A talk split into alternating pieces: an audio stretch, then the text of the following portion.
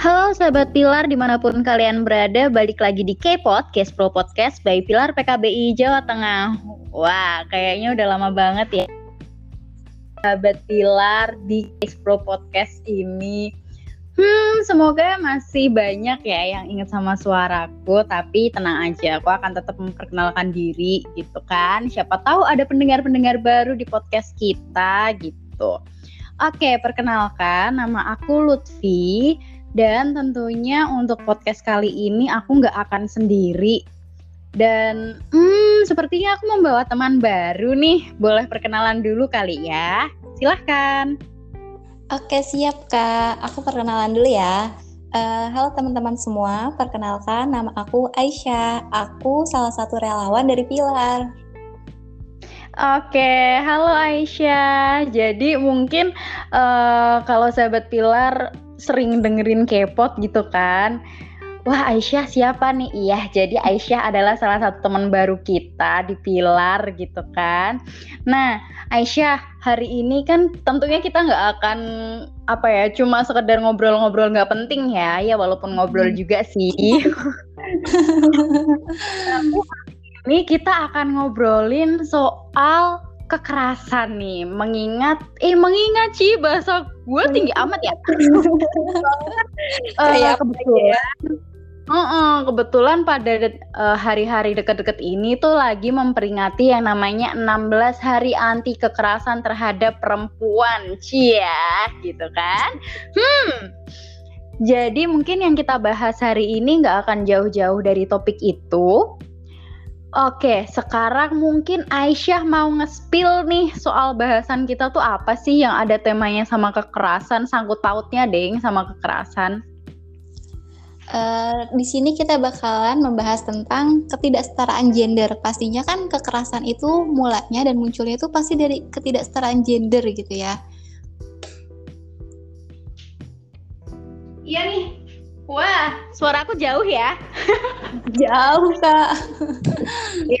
Iya, Nanti biar diedit lah ya sama tim pengedit. Emang ajar nggak apa-apa. Oke, jadi memang uh, kita akan ngebahas soal ketidaksetaraan gender di mana ketidaksetaraan gender itu adalah awal mulanya dari kekerasan. Gimana sih sih kok bisa gitu? Kok bisa ya yang namanya ketidaksetaraan gender itu adalah awal mula dari kekerasan? Mungkin Aisyah bisa ngejelasin dikit. Nanti aku tambahin deh. Kalau yang aku tahu nih ya kak, uh, kenapa sih bisa muncul gitu yang namanya kekerasan? Nah, biasanya itu munculnya kan dari ketidaksetaraan gender nih. Nah, ketidaksetaraan gender ini biasanya uh, muncul nih kayak kita uh, membatasi. Jadi adanya laki-laki dan perempuan itu jadinya ada uh, kaum eh apa sih namanya? Ada yang namanya dianggap kalau laki-laki itu kuat terus melindungi. Nah, di sisi itu ternyata melindungi itu ternyata dibuat oleh laki-laki itu sebagai tindakan dalam melakukan pelecehan seksual kayak gitu. Nah, oke okay, oke. Okay. Uh, terus gimana sih? Nah terus kalau misalnya ya ketidaksetaraan gender juga muncul dari kayak apa ya namanya uh, para uh, persepsi para masyarakat gitu yang mempersepsikan kalau misalnya perempuan itu lemah gitu dan laki-laki itu yang harus kuat dan paling kuat gitu. Nah dari situ muncul kan uh, kalau laki-laki itu kuat dan harus melindungi. Nah apa ya bahasaan bahasa itu bisa dijadiin alat oleh laki-laki buat melakukan ketidaksetaraan untuk melakukan kekerasan gitu kepada kaum perempuan. Hmm. Iya sih, apalagi kalau misalnya di masyarakat itu kan tadi benar yang dikatain sama Aisyah gitu adanya anggapan bahwa laki-laki itu lebih punya power daripada perempuan. Sementara perempuan tuh ya kayak yang apa-apa harus nurut, yang kayak lemah banget kelihatannya gitu. Padahal ya sebenarnya nggak gitu dalam konsep gender sendiri. Uh, mungkin kalau misalnya sahabat Pilar udah pernah ngedengerin K-pop sebelumnya, masalah gender ini udah sering banget dibahas gitu kan. Tapi mungkin aku akan mengulas sedikit soal gender gitu. Gender sendiri adalah hmm, suatu konstruksi di masyarakat, suatu pola pikir yang akhirnya menimbulkan kayak uh, cewek itu tugasnya untuk bersih-bersih rumah. Cewek nah, itu betul adalah nah, gitu. Cewek itu adalah orang yang lemah, lemah lembut, penuh kasih sayang gitu. Itu adalah sesuatu yang identik nih sama perempuan. Sementara kalau laki-laki itu harus tadi yang dibilang Aisyah, harus kuat, harus melindungi, harus bertanggung jawab, nggak boleh nangis. Nah, itulah yang disebut sama gender gitu. Bahkan sekarang seolah-olah pekerjaan pun punya gender ya Syah. Nah, iya Aisyah mau banget gak kerjaan yang kira-kira punya gender gitu. Gimana kak? Suaranya jauh sih putus-putus. Oh iya, suaraku sorry sorry sorry. Tapi sekarang udah jelas? Udah, ini udah masuk. Yang terakhir. Oke. Okay. Oke okay, oke. Okay. Um, sekarang tuh kayaknya bukan cuma tugas aja ya yang seperti melekat pada gender gitu. Tapi sekarang pekerjaan pun banyak gitu yang seolah-olah yaitu adalah kerjaan cowok banget. Cewek nggak boleh kerja gitu gitu. Kira-kira apa ya Syah? Kira-kira Aisyah mau ngasih contoh nggak? Apa ya kak? Misalnya ya, kalau misalnya kayak yang ngangkat-ngangkat di gudang, misalnya contohnya ya kak, untuk uh, bekerja di gudang biasanya diperuntukkan untuk laki-laki kayak gitu. Padahal nggak selamanya laki-laki, eh nggak selamanya perempuan juga nggak bisa. Tapi perempuan juga bisa gitu melakukan hal tersebut. Begitupun kayak pekerjaan memasak gitu, kayak misalnya jadi koki. Biasanya perempuan selalu diidentikan di dapur kayak gitu. Uh, tapi sebenarnya laki-laki pun bisa gitu. Jadi kita tuh sebenarnya saling berkaitan gitu dan saling berhubungan. Nggak ada yang paling kuat dan gak ada yang paling lemah menurutku sih gitu. Iya sih setuju banget apalagi kalau misalnya ngomongin soal bersih-bersih, beberes rumah, terus abis itu masak, apalagi ya. Hmm, menurutku itu tuh adalah basic life skill di mana seharusnya semua manusia tuh bisa gitu loh. Nggak cuma perempuan doang nih yang bisa, tapi cowok juga harusnya bisa. Nah, iya, Coba deh Iya kan? Coba ya deh kan? bayangin kalau misalnya cuma cewek doang nih yang bisa masak sama bersih-bersih rumah. Terus cowok kalau hidup sendirian gimana dong? Kalau nggak bisa bersih-bersih rumah, nggak bisa ngurus dirinya sendiri, nggak bisa masak. Aduh, capek banget nggak sih? Kayaknya kalau dibayangin nggak mungkin banget ya kak. Iya kan? Tapi karena adanya anggapan bahwa ya emang kerjaan cewek kok buat bersih-bersih rumah, kerjaan cewek kok buat uh, ngurusin rumah tangga gitu. Jadi ada anggapan bahwa ini nih banyak banget yang nikah Aisyah pernah denger nggak ya kira-kira? Uh, aku mau cari istri yang pintar bersih-bersih rumah gitu. Buat apa sih punya istri kalau nggak bisa bersih-bersih rumah? Kadang dalam otakku itu malah mempertanyakan kamu cari istri apa? Cari babu anjir aku juga pernah denger kak apalagi di lingkungan masyarakat aku kan. Kayak misalnya hmm. kita tuh harus cari istri atau calon istri yang emang bisa bersih bersih rumah gitu biar rumah itu terawat. Nah, emang tugas istri itu cuma buat bersih bersih aja ya kan? Iya bener banget. Terus ya Syah tadi aku tuh uh, sempat ngelihat postingan dari tetanggaku yang kebetulan juga udah nikah kan. Terus tuh ada dia nge-repost waktu postingan yang bilang bahwa uh, ada nih cowok yang bikin video gitu kan. Dia bilang gini, kenapa alasan ketika cewek sudah berumah tangga akan selalu gabut ini itu dan kawan-kawannya gitu kan.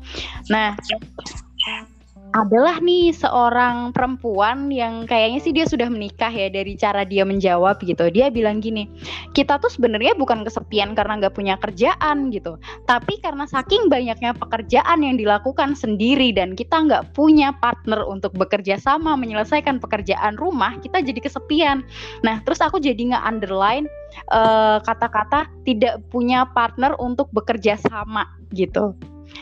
Nah, Padahal seharusnya pekerjaan rumah itu kan bisa ya dikerjakan bersama-sama mengingat memasak, membersihkan rumah itu adalah basic life skill manusia gitu kan. Nah, betul banget, iya. Nah kalau misalnya eh, laki-laki uh, itu ya nggak punya istri yang emang dia harapin yang tadi dengan adanya ketidaksetaraan gender, pastinya kan dia nggak bakal bisa merawat diri dia sendiri kan ya kak. Mm -mm. Betul, betul. Nah, nah uh, Kak, kalau misalnya huh? ya ketidaksetaraan gender itu berarti ya munculnya dari budaya masyarakat kita nggak sih?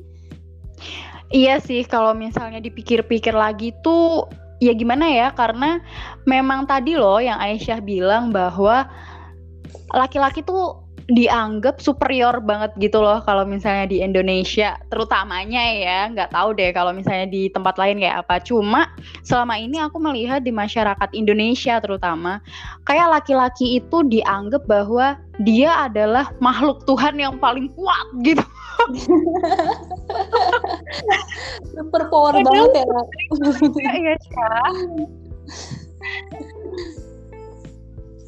gitu. Jadi uh, apa ya adanya budaya nah ini di mana satu gender ini uh, lebih kuat daripada gender yang lain ini yang menyebabkan banyak sekali kekerasan terjadi gitu. Mulai dari kekerasan fisik kekerasan verbal kekerasan ekonomi kekerasan fisik kekerasan apa lagi sih mungkin ada kekerasan bisa juga dari nonverbal. Kan nggak selamanya kekerasan itu cuma dari omongan aja kan.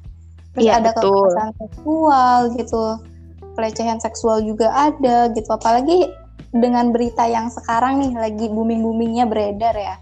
Banyak banget kan pelecehan seksual gitu yang terjadi. Nah mengenai kekerasan nih Idi, aku jadi ingat sesuatu. Apa tuh? jadi barusan aja tuh aku kan uh, hab habis makan ya sendirian gitu. Aku tuh tipe anak yang sebenarnya suka apa-apa sendirian gitu loh, yang nggak mm, sebenarnya sendirian nggak masalah ditemenin sama teman nggak masalah gitu. Cuma aku juga menikmati ketika aku sendirian. Nah kebetulan tadi aku habis mengerjakan sesuatu dan aku makan di suatu tempat sendirian gitu kan. Udahlah tuh aku makan uh, aku datang pesan makan, duduk, udah selesai. Terus aku tahu bahwa di belakangku itu ada dua laki-laki yang makan juga di tempat itu gitu aku sempat notice kalau dari tempat dia pesen makanan tuh dia sempat ngelirik aku gitu kan. Cuma aku ya hmm. ya kayak bodoh amat gitu kan. Karena ya semua orang kan berhak untuk melihat apa pun gitu. Cuma aku lagi makan, lagi makan, lagi hikmat-hikmatnya makan gitu kan ya. Si cowok ini tuh duduk di kursi sebelah aku dan uh, posisinya dia berhadapan gitu loh sama aku. Terus dia gini, "Mbak, Mbak, kayak yang nadanya manggil Mbaknya tuh yang verti banget gitu loh. Uh, tahu kan? Ya, uh, tahu. Terus gimana tanggapannya kak?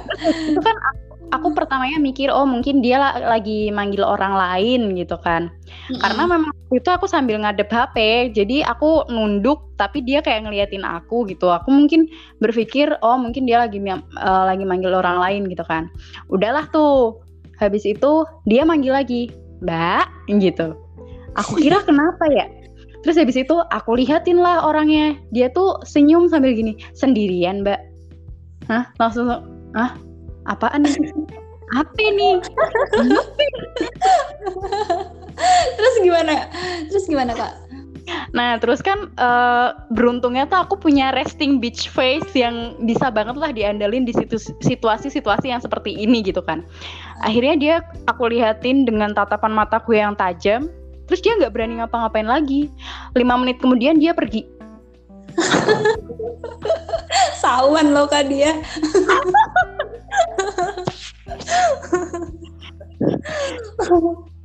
nah, nah itulah kenapa uh, sebenarnya aku tuh suka ketika aku pergi sendiri cuma hmm merasa tidak aman gitu loh ketika aku pergi sendiri. Ya karena ada kasus-kasus seperti ini. Bahkan dulu tuh waktu aku kuliah ya, aku naik uh -huh. motor sendirian. Ini juga yang menjadikan aku punya alasan bukan punya alasan. Yang menjadikan aku jadi sering pakai headset kalau aku lagi perjalanan naik motor gitu. Oh, iya itu kenapa kak? Nah, jadi tuh aku pernah sering sih waktu itu naik sepeda motor gitu kan di jalan uh, karena waktu itu jarak kampusku ke rumah itu cukup jauh. Terus di lampu merah uh, adalah tuh bapak-bapak supir truk bak gitu kan. Terus mm -hmm. habis itu uh, aku berhenti di sebelah truknya itu kan. Nah, karena kita sejajar nih posisi motorku sama tempat dia, jadi tuh dia tuh kalau nengok bisa langsung lihat aku kan. Nah, terus dia yang kayak nyul-nyulin kayak yang hmm ini bapak kenapa? Nggak inget sama umur nggak inget anak istri di rumah apa gimana? Risih ya kak rasanya. Gak enak banget. ya. Nggak nyaman Aisyah, banget gak sih? Kayak gitu-gituan sih aku sih dulu pernah ya kak waktu misal apa waktu pas aku pulang sekolah gitu waktu aku zamannya SD aku kan SD kalau misalnya pulang sekolah aku jalan kaki karena deket dari rumah gitu. Nah pas lagi jalan hmm. biasalah uh, kayak uh, temen si Kati apa sih namanya kakak kelas gitu. Waktu itu kan aku hmm. kelas 5 5 SD nah kakak kelas aku kelas 6 kalau misalnya setiap lewat gang rumah aku tuh pasti kalau misalnya aku lewat disiulin gitu kalau nggak cewek kayak gitu loh. Ih aku risih banget. Rasanya kalau aku lewat situ tuh aku masih nunduk aja nggak berani lirik kanan kiri. Iya kan kalau Aisyah digituin rasanya pengen apa Syah pengen lari cepet-cepet sampai rumah. Karena beruntung banget loh kalau Aisyah masih pengen lari. Aku tahu nggak rasanya pengen Hmm, pengen ku colok matanya. pengen ditimbuk ya kak. Banget. Karena apa ya?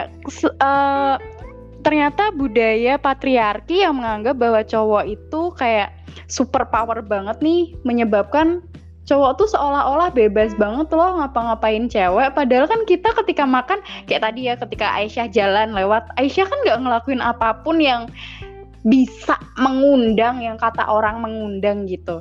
Aku pun uh, nggak tahu konsep mengundang aku itu sebelah mananya ya kan. Tapi kita mereka... biasa aja loh ya, kayak selayaknya dan ya biasa aja gitu. Betul. Kita tuh padahal duduk anteng atau mungkin kita jalan ya udah jalan kita nggak sambil yang Hai godain aku dong. aku juga sampai mikir salah aku di mana gitu. Iya betul. ya enggak gitu kan. Nah, jadi uh, sebenarnya kekerasan itu nggak harus melulu yang kayak gede-gede itu kok.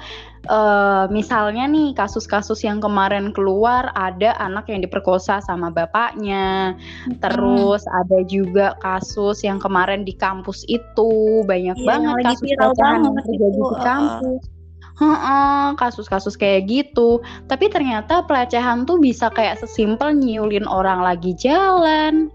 Terus abis itu ya tadi tahu-tahu ngedeketin padahal nggak kenal gitu kan. Yang ngebuat kita nggak rasanya nggak nyaman gitu ya kak itu udah bisa disebut sebagai kekerasan berarti ya kak? Betul Betul banget. Jadi kalau misalnya kekerasan itu sebenarnya apa sih bedanya sama yang bukan kekerasan? Sebenarnya tuh bedanya simpel. Yang penting di situ ada konsen atau enggak. Kalau misalnya enggak ada konsen, yaitu adalah suatu bentuk pelecehan atau kekerasan gitu. Mau itu secara ekonomi, mau itu secara sosial, mau itu secara fisik, verbal, non verbal, psikologis kalau misalnya nggak ada konsen di situ ya udah itu kekerasan gitu.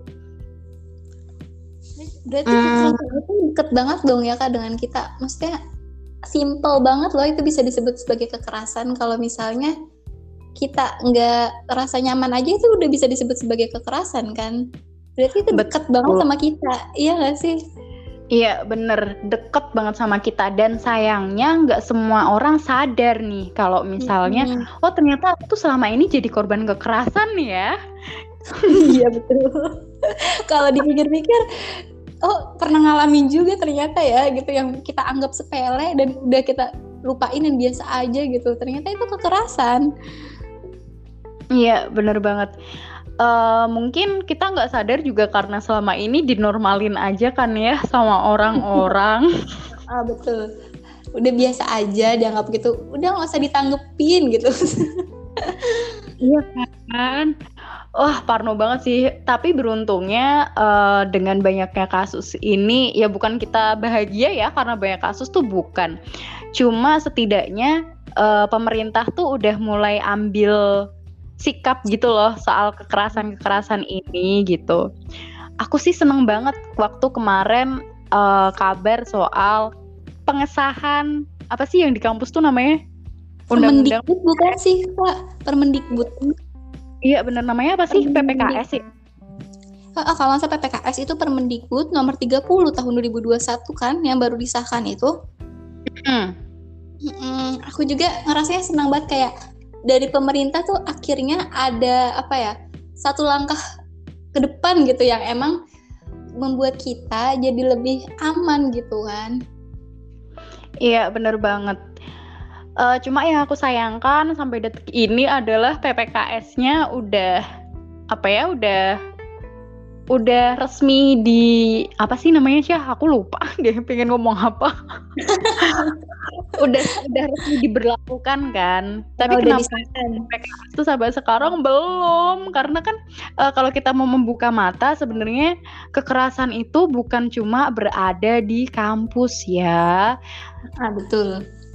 Banyak, banyak banget, banget. tahu di lingkungan masyarakat kita di lingkungan terdekat kita pun ada Iya kan, terutama uh, bukan bukan berarti cewek itu nggak bisa ya melakukan kekerasan. Cuma karena selama ini yang dianggap rentan itu kan perempuan, bukan dianggap memang ya rentan itu adalah perempuan gitu loh.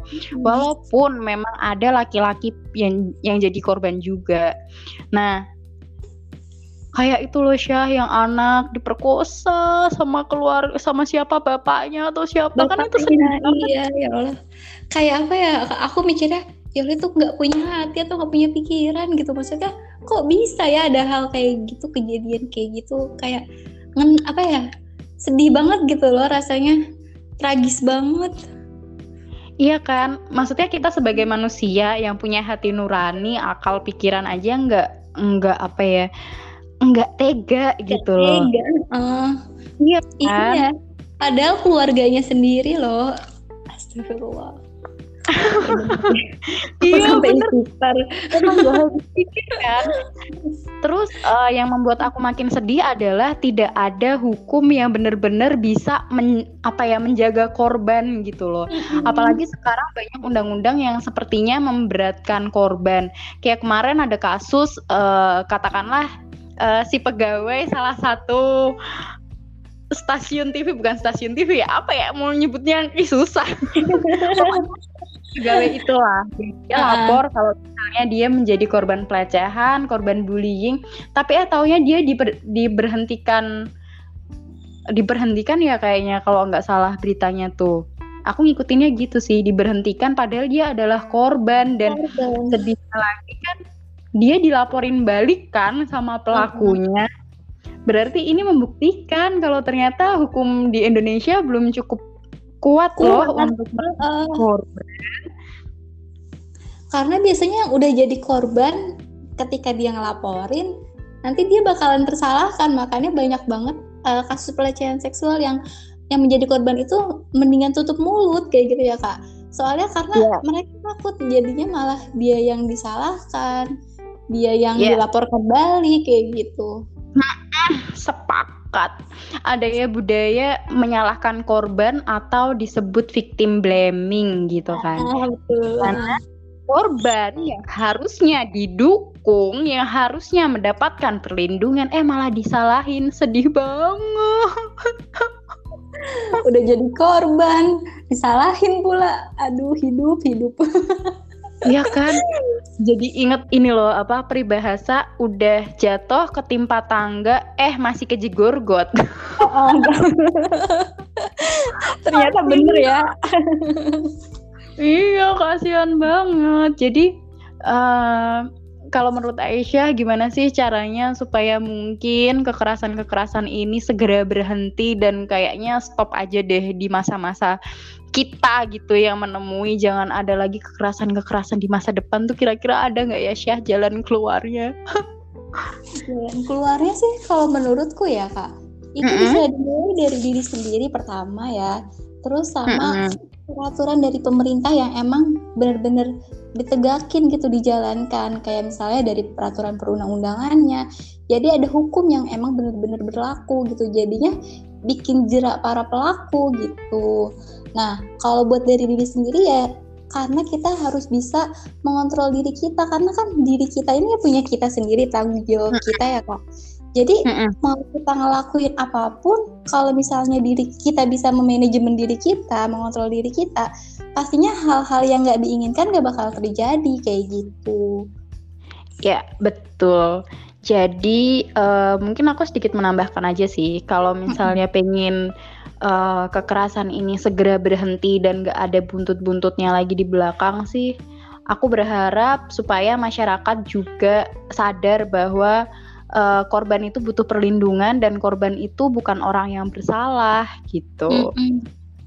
Kita perlu membuka mata bahwa yang salah itu pelaku loh. Kita harus pro sama korban bukan hal pelaku.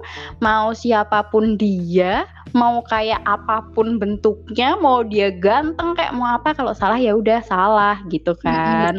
Uh, kita harus pro korban, Widi.